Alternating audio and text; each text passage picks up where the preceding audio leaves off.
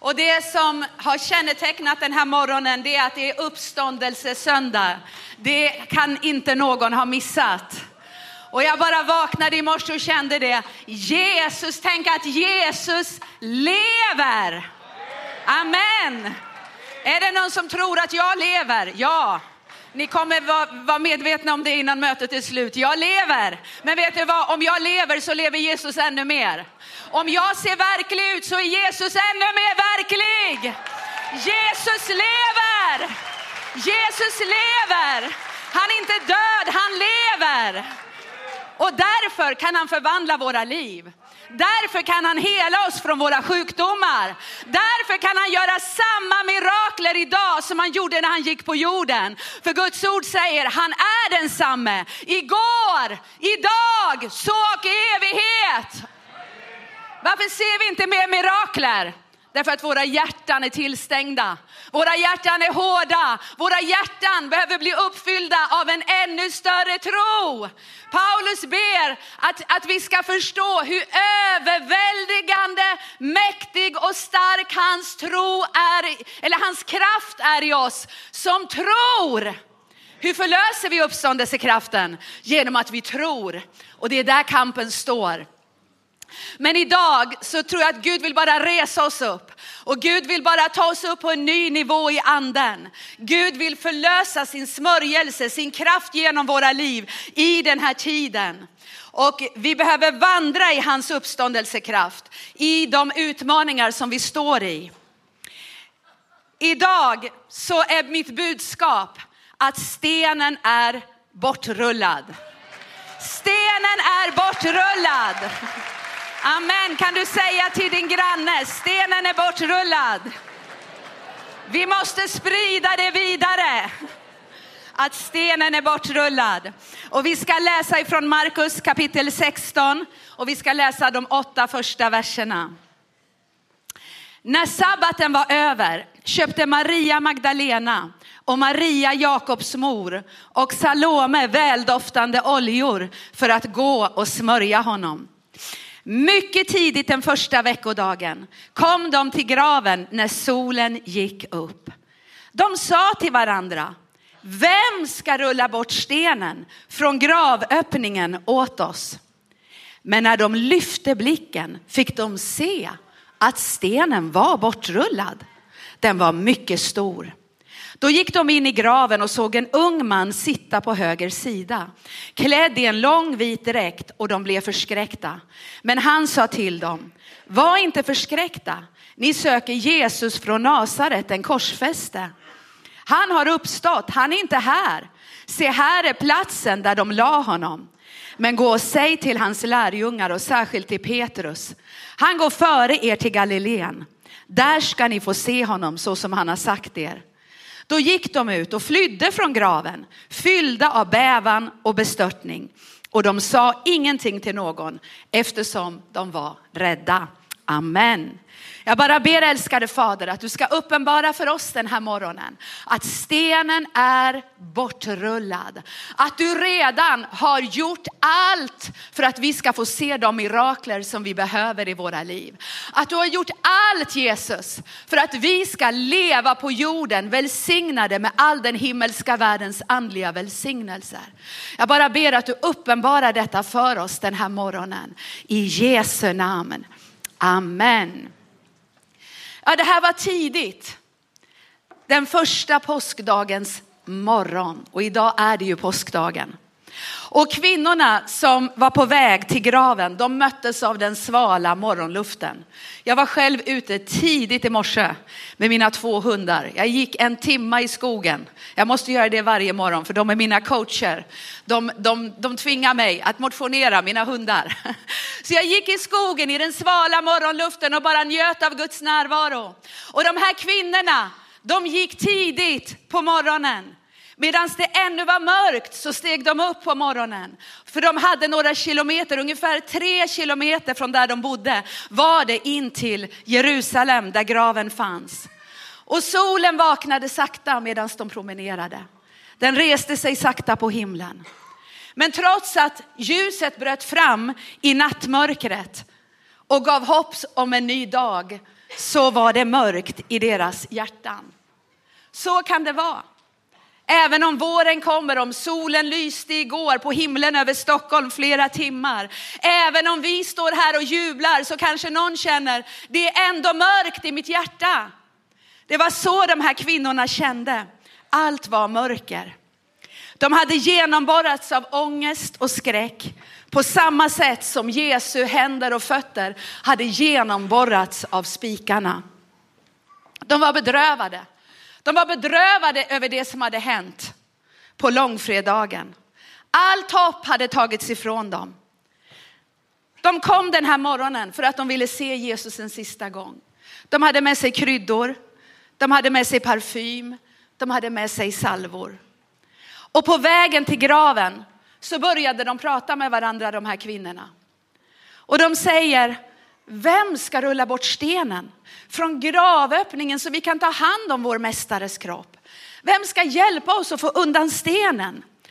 De var så fyllda av den här tanken på den här tunga stenen och de oroade sig i sina hjärtan. Och om man läser om en sån här sten som låg framför en grav så kan man läsa att den vägde troligtvis hundra, flera hundra kilo. Och eh, det fanns också en skåra utanför graven som gjorde att, i, i marken som gjorde att man måste rulla den här stenen åt sidan för att kunna komma in i graven. Det här var en helt omöjlig situation för tre små kvinnor. Hur skulle de kunna flytta på den här gravstenen? Hur skulle de orka flytta undan den jättetunga stenen för att komma in och smörja Jesu kropp? Det var det här som Jesus talade till mig om den här veckan inför den här söndagen. Att många gånger kan det vara precis samma sak med dig och mig. Vi kan hamna i de här tankarna vem ska rulla bort stenen för mitt mirakel? Vem ska låta mig se ljuset i min mörka tunnel? Kanske känns det omöjligt för dig att se en lösning på ett problem i ditt liv.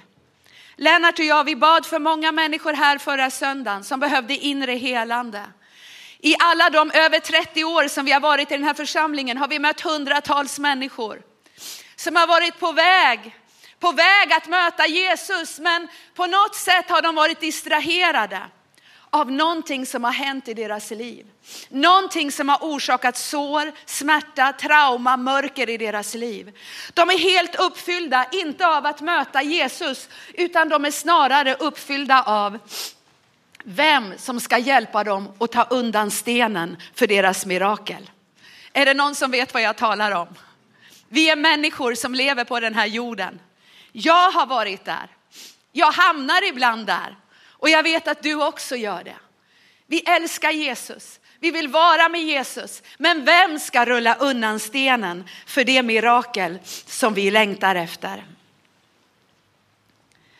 Men det var någonting som hände här. Det var någonting som bara slog in i mitt hjärta när jag mediterade på den här texten.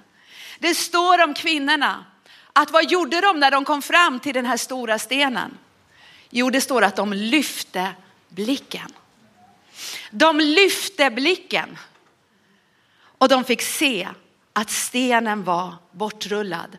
Den var mycket stor, säger Markus. Och när de lyfte blicken, med andra ord, bildligt talat, när de lyfte blicken från sin sorg, sin oro, sina tvivel, sin smärta. När de lyfte blicken så fick de se ett oväntat och överraskande mirakel. Stenen var borta och graven var tom. Miraklet hade redan skett. Och det är det här som Gud vill säga till dig den här morgonen. Att vad Gud vill den här uppståndelsemorgonen, det är att du ska sluta fokusera på stenen. Och bara lyfta blicken och se vad Jesus har gjort för dig på Golgata kors. Att han har vunnit en evig seger.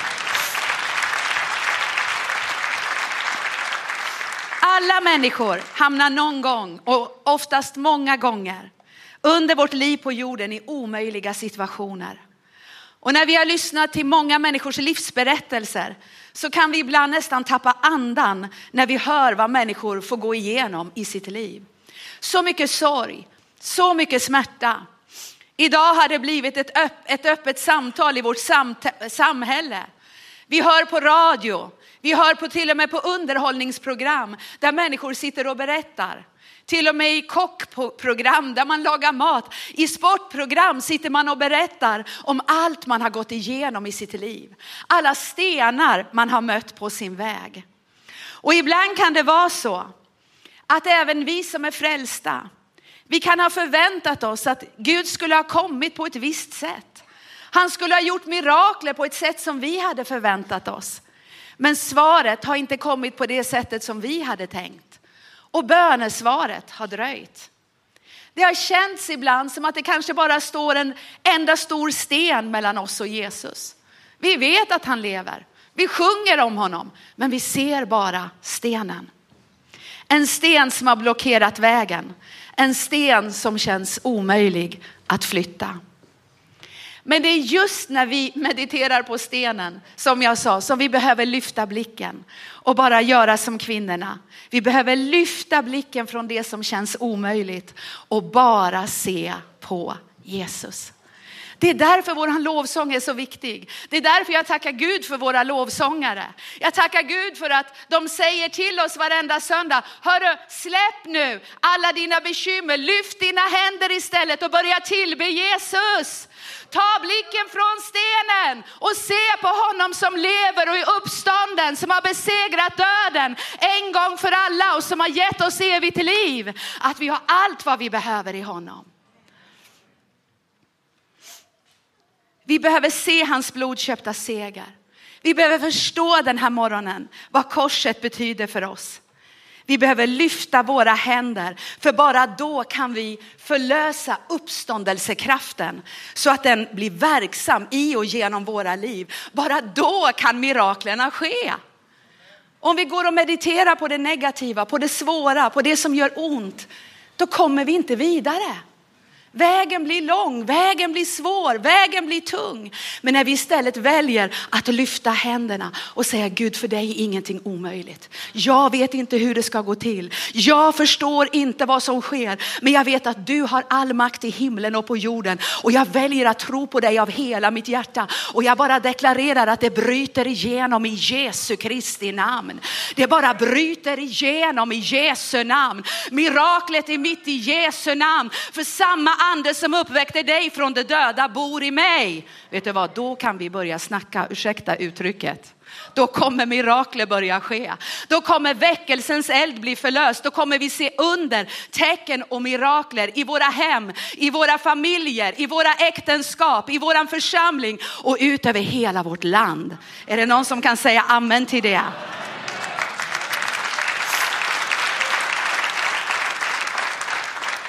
Det var inte kvinnorna eller lärjungarna som rullade undan stenen.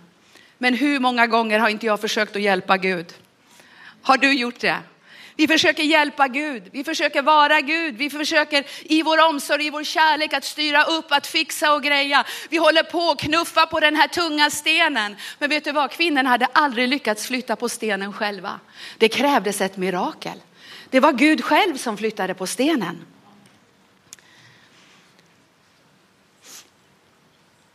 Det står så här i Filipperbrevet 2, vers 6-11. Han var till i Guds gestalt, men räknade inte jämligheten med Gud som segerbyte, utan utgav sig själv och tog en tjänares gestalt och blev människan lik.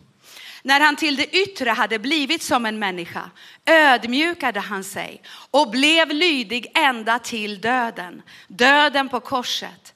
Därför har Gud också upphöjt honom. Kan du säga honom? Vem är det vi talar om här? Jesus. Och gett honom namnet över alla namn.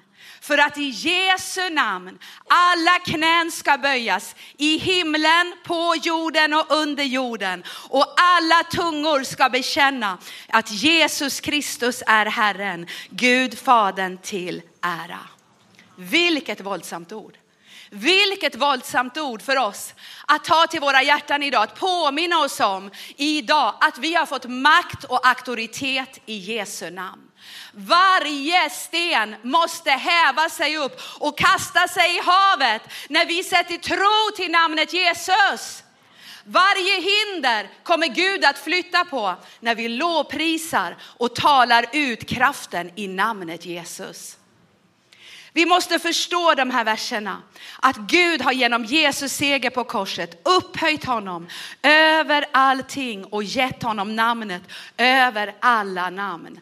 Alla namn, vad dina problem än heter så är hans namn över. Och i det namnet har vi seger i varje utmaning och varje prövning i våra liv. Även om vi ännu inte har sett miraklet vi har bett om med våra fysiska ögon så är det seger. Stenen är redan bortrullad. Vi har redan vårat mirakel i den andliga världen. Det är vårat, vi äger det i vårat hjärta och det är bara en tidsfråga innan vi kommer se det i det naturliga. Jag hörde igår om en mamma som hade bett för sin son. En nära vän som jag samtalade med igår kväll på en annan plats i Sverige. Och hon berättade att en mamma som hade bett så för sin son, som hade varit så bunden av mörkrets makter, det går inte ens att beskriva sig, hur hon hade bett och bett och bett och gråtit och bett och bett och bett. Och i fredags kom han till Jesus och gav sitt hjärta till honom. Stenen är bortrullad. Miraklet blev synligt som den mamman hade haft i sitt hjärta i åratal. Vilken glädje. Jesus har gett dig makt och auktoritet i Jesu namn. Men om vi inte förlöser vår tro och använder det namnet som han har gett oss så kommer ingenting att hända. Vi måste använda namnet Jesus. Vi måste förlösa vår tro på namnet Jesus. Vi måste tala med auktoritet i namnet Jesus till varje sten som reser sig för vårt mirakel. Den här stenen framför graven den här morgonen, den representerade maktlöshet, sorg, en stängd dörr. Stenen representerade en omöjlig situation, men Jesus hade redan, redan vunnit seger över varje motgång. Att flytta den där lilla stenen var ingenting för Gud. Det var inte ett problem för honom. Och vet du vad? De stenar som reser sig upp mot ditt liv är inte heller ett problem för Gud. Det är ingenting. Han har avväpnat andevärldens furstar, väldigheter, makter och herravälden. Allt är lagt under hans fötter. Han är över de makter som styr krigsherrar, som, som styr upplopp och våld i vårt land. Hans namn är över. Men det är dags att hans församling förstår kraften i det namnet och reser sig upp med auktoritet och börjar binda de mörkrets makter som verkar på jorden och i namnet Jesus lösa ut Guds välsignelser, Guds mirakler, Guds helande, Guds eld. Stenen är bortrullad. Amen. Vi måste förlösa uppståndelsekraften genom vår frimodiga bön. Vi måste deklarera Jesu blod över varje utmaning så att vi kan se en överväldigande seger oavsett vilka stenar som blockerar vår väg. Men hur lätt är det inte för dig och mig att vi ofta, det är därför vi behöver gudstjänsterna, det är därför vi behöver komma hit varje söndag. Vi behöver varandra. Ibland kommer jag in här och jag kan känna mig modfälld. Jag kanske ser en sten. Men vet du vad? När vi börjar prisa Gud tillsammans, vad händer? Just det, jag ser inte stenen. Jag ser honom som har flyttat på stenen redan åt mig. Amen. Så vi behöver varandra. Men jag tänker på kvinnorna när de gick till Jesu grav. De hade säkert inte sovit de två senaste nätterna. De hade ju trott på Jesus. De hade älskat honom som djupt. Allt det som de hade hoppats på var nu över. Jesus skulle ha räddat dem. Jesus skulle ha räddat deras folk. Men så dog han. Och under det här grovt uthuggna korset som Jesus blev korsfäst på så var det bara en stor blodig pöl. Vilken hopplöshet. Vilken sorg de måste känt. Och vi har alla varit där ibland. Att vi har känt en sån sorg. Det har varit som en mardröm som man aldrig vill ska ta slut. Du kanske befinner dig i en sån mardröm idag och du känner hur ska jag kunna vakna upp ur den här mardrömmen? Hur ska jag orka vidare? Du har kommit till slutet av dig själv och du känner total hopplöshet. Det kanske inte finns någon mänsklig lösning på ditt problem. Jag tror att kvinnorna kände så den här morgonen när de gick till graven. Vad skulle hända nu? Allt hopp var ute. Och det var inte bara kvinnorna som kände sig modlösa. Även lärjungarna, alla Jesu anhängare var besvikna, förvirrade och ledsna. De två lärjungarna som vi läser om i Lukas 24, de, de var på väg till Emmaus och de gick och pratade med varandra på vägen. Och de sa, vi hade hoppats att det var han som skulle frälsa Israel. De pratade om ett hopp som inte längre fanns.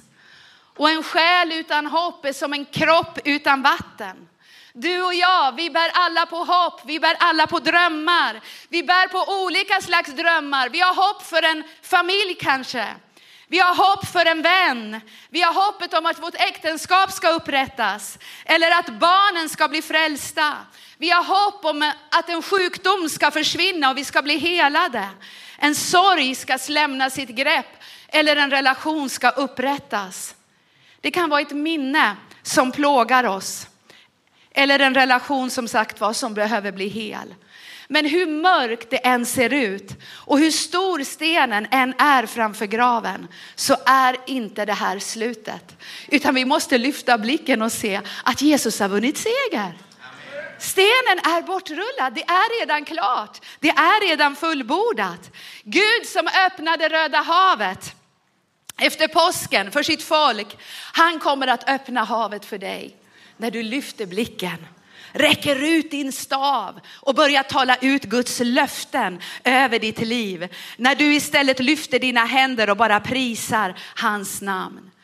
Allting kanske inte blir exakt som du har tänkt. Ibland tänker vi Gud ska komma så och han ska göra så. Det ska bli på det här sättet. Gud kommer inte alltid på det sätt som vi har tänkt.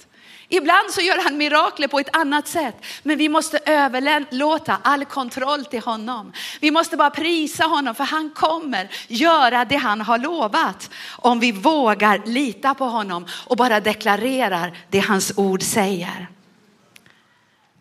Vilken glädje det blev när lärjungarna verkligen förstod att Jesus var uppstånden. I Johannes 20, vers 19-20 så står det. På kvällen samma dag, den första veckodagen var lärjungarna samlade bakom låsta dörrar av rädsla för judarna. Då kom Jesus och stod mitt ibland dem och sa, frid vare med er. Och när han hade sagt detta visade han dem sina händer och sin sida och lärjungarna blev glada när de såg Herren. När de såg Jesus så förstod de att det var inte bara stenen som var bortrullad. Det var inte bara en tom grav. Jesus var uppstånden. Han hade besegrat döden. Han hade besegrat varje förbannelse. Han hade vunnit seger över synden. Allt var fullbordat. Och en annan översättning säger, The Message Bible säger att när de såg mästaren så blev de sprudlande glada.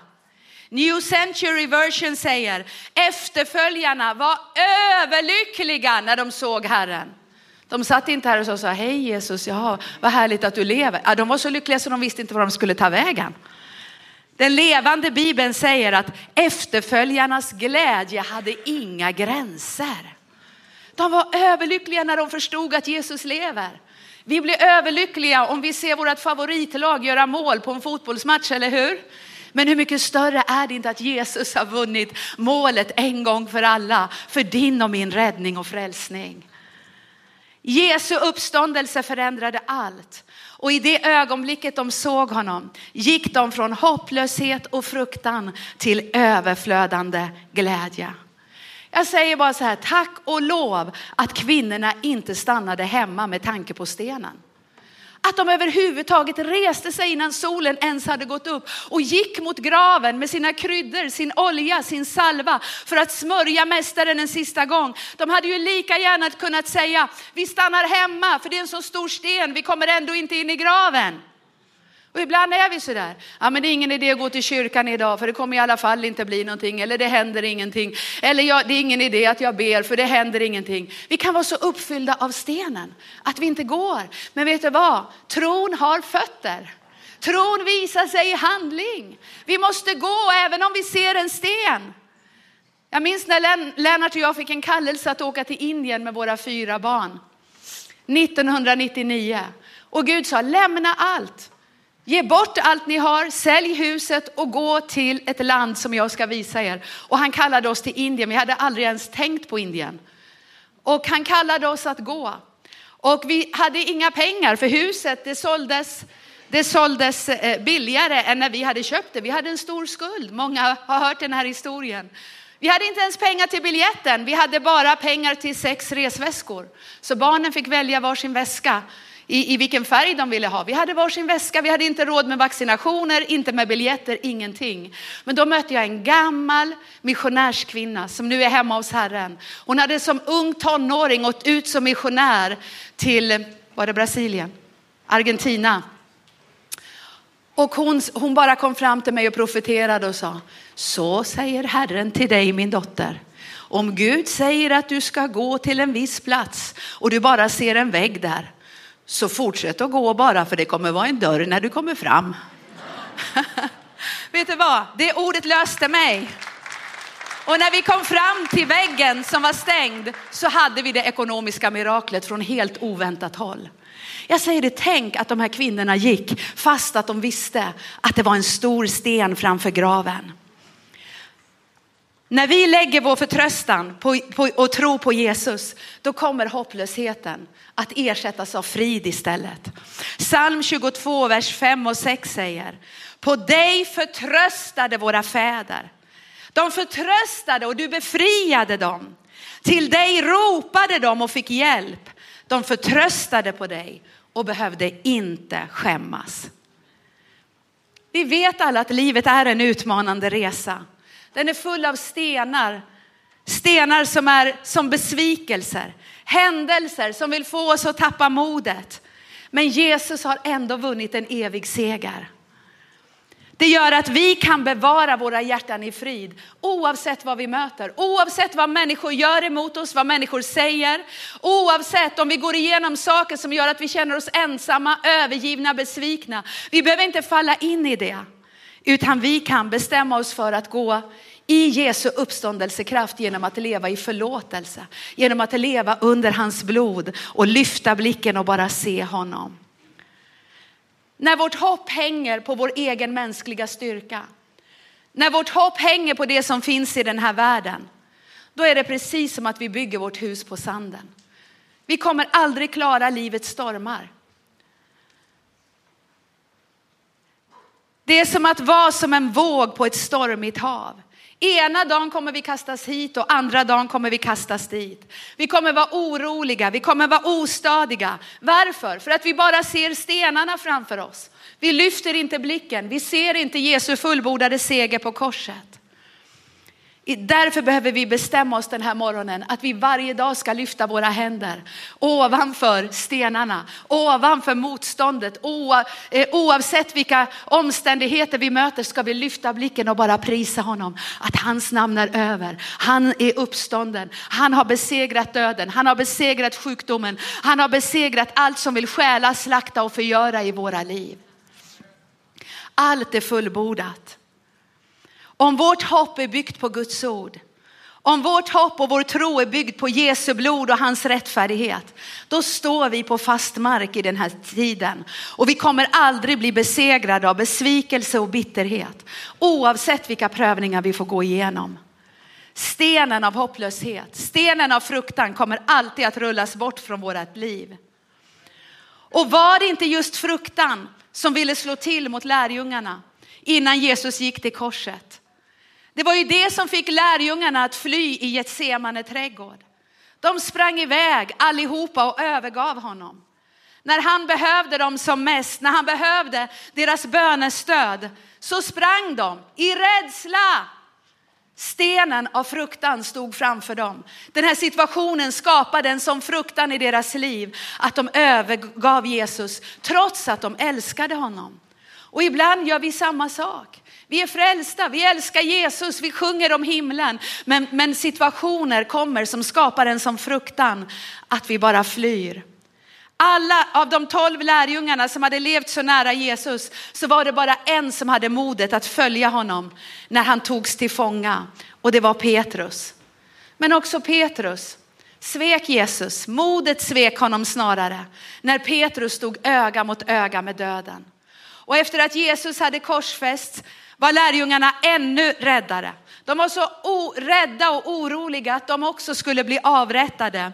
Att Johannes säger i vers, kapitel 20 och vers 19. På kvällen samma dag, den första veckodagen, var lärjungarna samlade bakom låsta dörrar av rädsla, av fruktan för judarna. De var förvirrade, de var oroliga, de höll sig nära varandra, de gömde sig, de låste dörren noga. Jesus hade sagt till dem, ni ska gå till Galileen. Men de vågade inte gå för fruktan förlamade dem. De var livrädda. Ibland gör de här stenarna som vi möter under livet, de här situationerna, olika saker som slår emot vårt liv, gör att vi gömmer oss. Vi blir förlamade. Fruktan är en fiende som vill hindra oss att göra det Jesus har kallat oss att göra. Vi ser bara den omöjliga stenen framför oss. Det var det lärjungarna gjorde här. Fruktan stänger alltid fönster och låser dörrar. Fruktan skapar alltid ångest. Våra tankar blir förvirrade eftersom vi bara ser en sten, ett omöjligt hinder som blockerar vår väg. Fruktan är verkligen ett fängelse som binder oss att fullfölja det Gud vill att vi ska göra. Men nu har jag väldigt goda nyheter för dig idag, så se inte så allvarlig ut. Jesus har befriat dig från fruktan. Amen. Du kan avsäga dig all fruktan i namnet Jesus. Du kan säga i kraft av Jesu blod avsäger jag mig all fruktan. Jag ska inte springa och gömma mig när Jesus har kallat mig. Jag ska inte skämmas för evangeliet. Jag ska inte sitta instängd med låsta dörrar och fönster och inte våga säga att jag tror på namnet Jesus i en tid där, där, där samhället säger någonting annat. Utan vi måste se stenen är full, är bortrullad. Allt är fullbordat, allt är klart. Vi behöver inte springa, vi behöver inte fly. Är du inte glad för det? Säg tack Jesus. Men vet du vad? Jesus, eftersom stenen är bortrullad så stiger Jesus in i det här rummet av rädsla. Och rädslan den ersätts av frid. En frid som den här världen aldrig kan ge. Det är det Jesus säger när han kliver in i Johannes 20 och 19 så står det. Då kom Jesus och stod mitt ibland dem och sa, min frid ger jag er. Frid vare med er. Jesu frid, det, det löser oss från all oro. Så när Jesus kliver in i vårt hjärta, i våran själ, så kliver fruktan ut. Vi måste inbjuda fridens första att regera över våra känslor och våra tankar. Och vad händer efter det här? Jo, lärjungarna låser upp dörren. Lärjungarna går upp sen i den övre salen. Lärjungarna börjar be och ropa att den helige ande ska komma över dem. Och vad händer på pingstdagen? Den helige ande kommer över dem. Varför? För att stenen är bortrullad. Jesus är uppstånden. Och Petrus som har förnekat Jesus står upp och predikar frimodigt, fylld av den helige ande. Och folk börjar tala i tungor. 3000 människor blir frälsta och börjar börja tala det himmelska språket. Amen, vad jag är glad för det himmelska språket.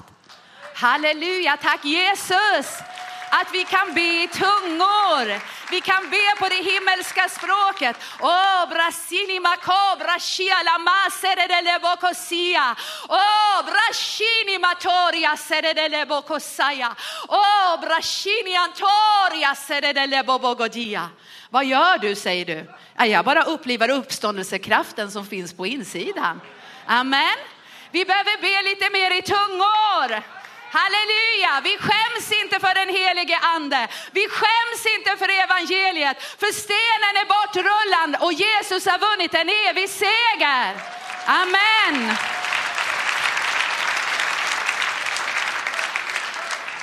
Så oavsett vilka utmaningar vi än möter, oavsett vilka hinder vi än står inför, behöver vi aldrig vara rädda.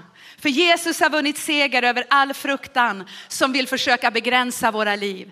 Andra Timoteus 1 och 7 säger, Gud har inte gett oss modlöshetens ande, utan kraftens, kärlekens och självbehärskningens ande. På engelskan står det, God has not given us the spirit of fear Det är inte Gud som har gett oss fruktan. Om inte Gud har gett oss någonting som plågar oss, varför ska vi ta emot det? Stenen är bortrullad. Jesus har vunnit seger. Varför tillåter vi fruktan, förkastelse, mindervärdighet, jämförelse, fördömelse, olika saker som vill plåga oss? Varför tillåter vi det i vårt liv när stenen är bortrullad? Vi kan avsäga oss allt. Det står i Guds ord, på en väg kommer fienden ifrån dig, men på sju vägar ska han fly ifrån dig. För Jesus utgöt sitt blod på sju ställen av sin kropp. Guds ord säger, större är han som är i mig än den som är i världen. Jesaja 54 och 17 säger, inget vapen som smids mot mig och min familj ska ha någon lycka, för min rättfärdighet är av Herren. Stenen är bortrullad. Nu får du knuffa på din granne och säga, hör du vad hon säger? Stenen är bortrullad.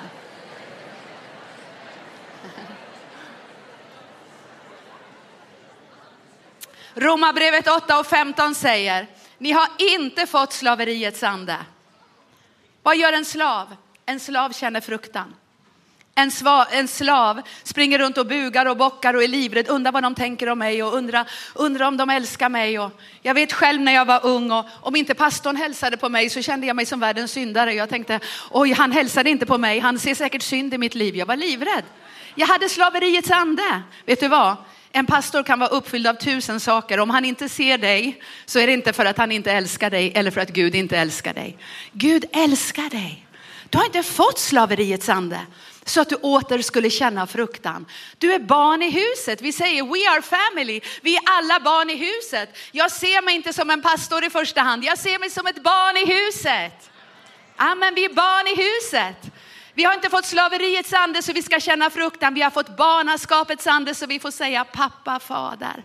Pappa, fader. Pappa, pappa, jag älskar dig pappa. Förr i tiden så brukade man inte säga pappa, man sa far. Det är också väldigt vackert. Och Gud är våran fader. Men Gud är också våran pappa. Det talar om intimitet. När Lennart och jag började bibelskola 1985, det var så länge sedan. Den första lektionen som vi hade om bön så fick alla eleverna stå upp och säga pappa jag älskar dig. Och en del kunde inte säga pappa. En del kunde inte säga det för det gjorde så ont i hjärtat för man hade inte haft någon pappa. Eller pappa hade inte kramat. Pappa hade inte kanske varit närvarande. Men då sa våran bibellärare, säg bara pappa jag älskar dig och helandet kommer att bryta fram i din själ.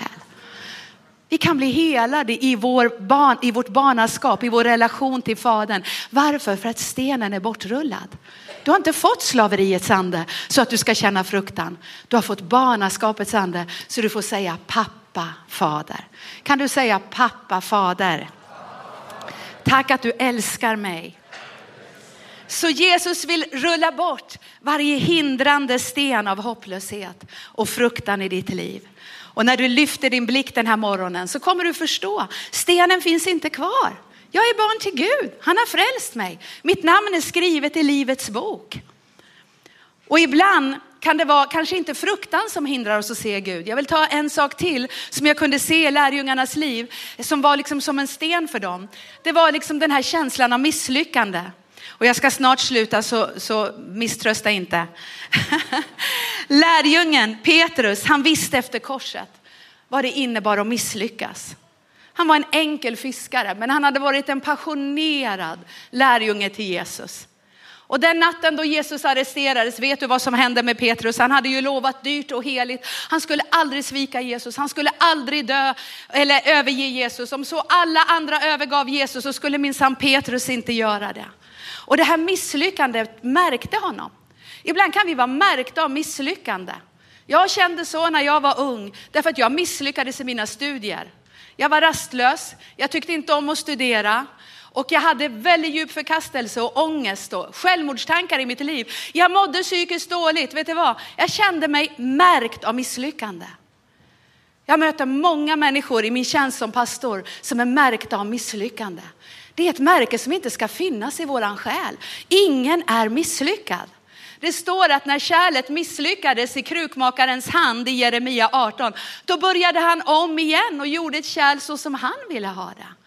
Genom Jesus sår, genom Jesu blod så blir vi helade från varje form av det som vi upplever som ett misslyckande.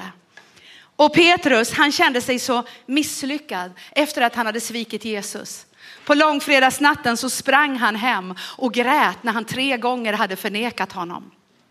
Han grät. En stor, tuff, muskulös vad heter det, fiskare springer hem och gråter för att han har svikit. Han har inte hållit det han har lovat Jesus. Och Petrus, han, han blev så märkt av misslyckande. Han kände, det är ingen idé att jag går ut och predikar längre. Utan istället så går han till sjön, till Genesarets sjö, tar med sig sina vänner och säger, äh, men vi går ut och fiskar igen. Han gick tillbaka till det som Jesus hade kallat honom att lämna för att han skulle bli en människofiskare. Han går tillbaka och du vet vad som händer. Jesus står där på stranden. Han har förberett fisk, han har tänt en eld. Petrus som har förnekat Jesus tre gånger vid en koleld. Vad gör då Jesus? Jesus tänder en ny eld. Jesus ger honom bröd och fisk och frågar honom tre gånger. Simon Petrus, eh, eh, älskar du mig? säger han. Och han säger, ja Herre, jag har dig kär. Tre gånger hade han förnekat Jesus och tre gånger så upprättade Jesus honom. För att Jesus ville att han skulle få tillbaka kallelsen. Han skulle bli upprättad och förstå. Petrus var inte misslyckad i Jesu ögon. Jesus hade tänt den där elden med frukost. Jesus är så praktisk, han är så god. Vet du vad? Han ger dig någonting gott. Han välsignar dig. Han välsignar mig när vi inte ens är värda i det. Värda det. Ibland när jag tycker att jag har misslyckats mest så har Jesus välsignat mig så mycket. Och jag bara tänkte Jesus, hur kan du? Hur står du ut med mig Jesus? Han säger, du är inte misslyckad i mina ögon. Jag älskar dig, jag har gett mitt liv för dig. Stenen är bortrullad. Genom mitt blod är du ren, genom mitt blod är du fri. Genom mitt blod är du rättfärdig. När fadern ser på dig så är det som han såg mig, fullständigt ren, utan fläck, utan synd. Och Petrus, han ställer sig på pingstdagen fylld av den helige andes kraft och predikar så 3000 människor blir frälsta. Och vad gör Petrus sen? Han springer sitt lopp för Jesus hela sitt liv. Han till och med dör som en martyr. Han dör på ett obarmhärtigt sätt.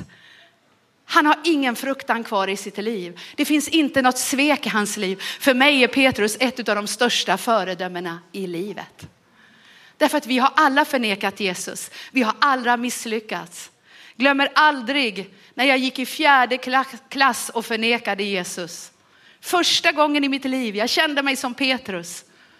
Det var klassfest och jag fick inte gå på klassfest för min mamma och pappa.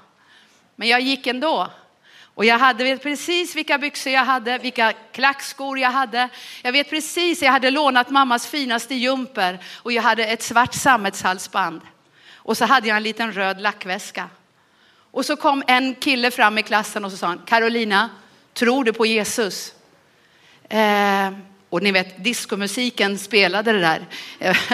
och lamporna lyste och han sa, tror du på Jesus? Nej, okej, okay, ska vi dansa? Det var hemskt. Alla dansade rock'n'roll till Elvis Presley hela kvällen. Men vet du vad? När jag gick hem på kvällen, jag grät. Jag gick i fjärde klass. Jag grät. Jag kände mig som Petrus när han hade förnekat Jesus. Men idag står jag här, för stenen är bortrullad. Jag är förlåten. Tack underbara Jesus. Tack underbara Jesus. Så oavsett hur stora våra misstag är, nu finns det värre misstag kanske än den här lilla klassfesten i fyran. Men oavsett hur stora våra misstag är så finns det förlåtelse och upprättelse i Jesu namn. Han älskar oss så mycket. Han har rullat undan den här stenen av misslyckande i ditt och mitt liv. Vi är förlåtna, vi är renade i Jesu blod. Han har öppnat vägen in i det allra heligaste där bara översteprästen fick gå in i det gamla förbundet. Förlåten brast uppifrån och ända ner och vi får gå rakt in vid Guds tron och säga god morgon pappa. Tack att du är min pappa. Tack att du är min fader, min Gud, min frälsningsklippa. Tack att du älskar mig. Tack att du har renat mig i ditt blod. Tack att jag får hälla ut mitt hjärta inför dig och ta emot emot dina välsignelser. Så den här morgonen vill jag ropa ut till er, älskade, älskade Wow Church. Stenen är bortrullad. Jesus är inte död. Jesus lever. Hans kärleksfulla hjärta blev krossat för dig och mig. Stenen framför graven var flyttad av Gud. Ingen sten kan stå i vägen för Guds välsignelser över ditt liv. Så låt mig därför bara avsluta med att läsa de sista orden så ska vi be tillsammans. I Markus 16, vers 9-20 så står det efter att kvinnorna har sprungit därifrån förskräckta över att stenen är bortrullad så läser vi. När Jesus hade uppstått på första veckodagens morgon visade han sig först för Maria Magdalena som han hade befriat från sju onda andar. Han visade sig först för den här kvinnan som hade varit prostituerad. Hon hade haft sju onda andar. Det var henne Jesus valde. Det var henne han valde ut. Tala om att stenen av misslyckande var bortrullad. Han uppenbarar sig först för Maria Magdalena som han hade befriat från sju onda andar. Hon gick och berättade det för dem som hade varit med honom och som nu sörjde och grät. Men när de fick höra att han levde och att hon hade sett honom trodde de inte på det. Sen visade han sig i en annan gestalt för två av dem som var på väg ut på landet. De gick också och berättade det för de andra, men inte de heller blev trodda. Till slut visade han sig för de elva när de låg till bords och han klandrade dem för deras otro och deras hårda hjärtan eftersom de inte hade trott på dem som sett honom uppstånden. Och han sa till dem, gå ut i hela världen och förkunna evangeliet för hela skapelsen. Den som tror och blir döpt ska bli frälst. Är du inte döpt så måste du anmäla dig så vi får döpa dig här. Du måste tro på Jesus och bli döpt. Den som tror och blir döpt ska bli frälst, men den som inte tror ska bli fördömd. Dessa tecken ska följa dem som Dessa tecken ska följa dem som Dessa tecken ska följa dem som I mitt namn ska de driva ut onda andar. De ska tala nya tungomål. De ska ta ormar med händerna. Det är en bild på demoniska krafter. Att vi har makt över allt mörker, all ondska som vill attackera oss. Och dricker de något dödligt gift ska det inte skada dem. De ska lägga händerna på sjuka och de ska bli friska. När Jesus hade talat till dem togs han upp till himlen och satte sig på Guds högra sida.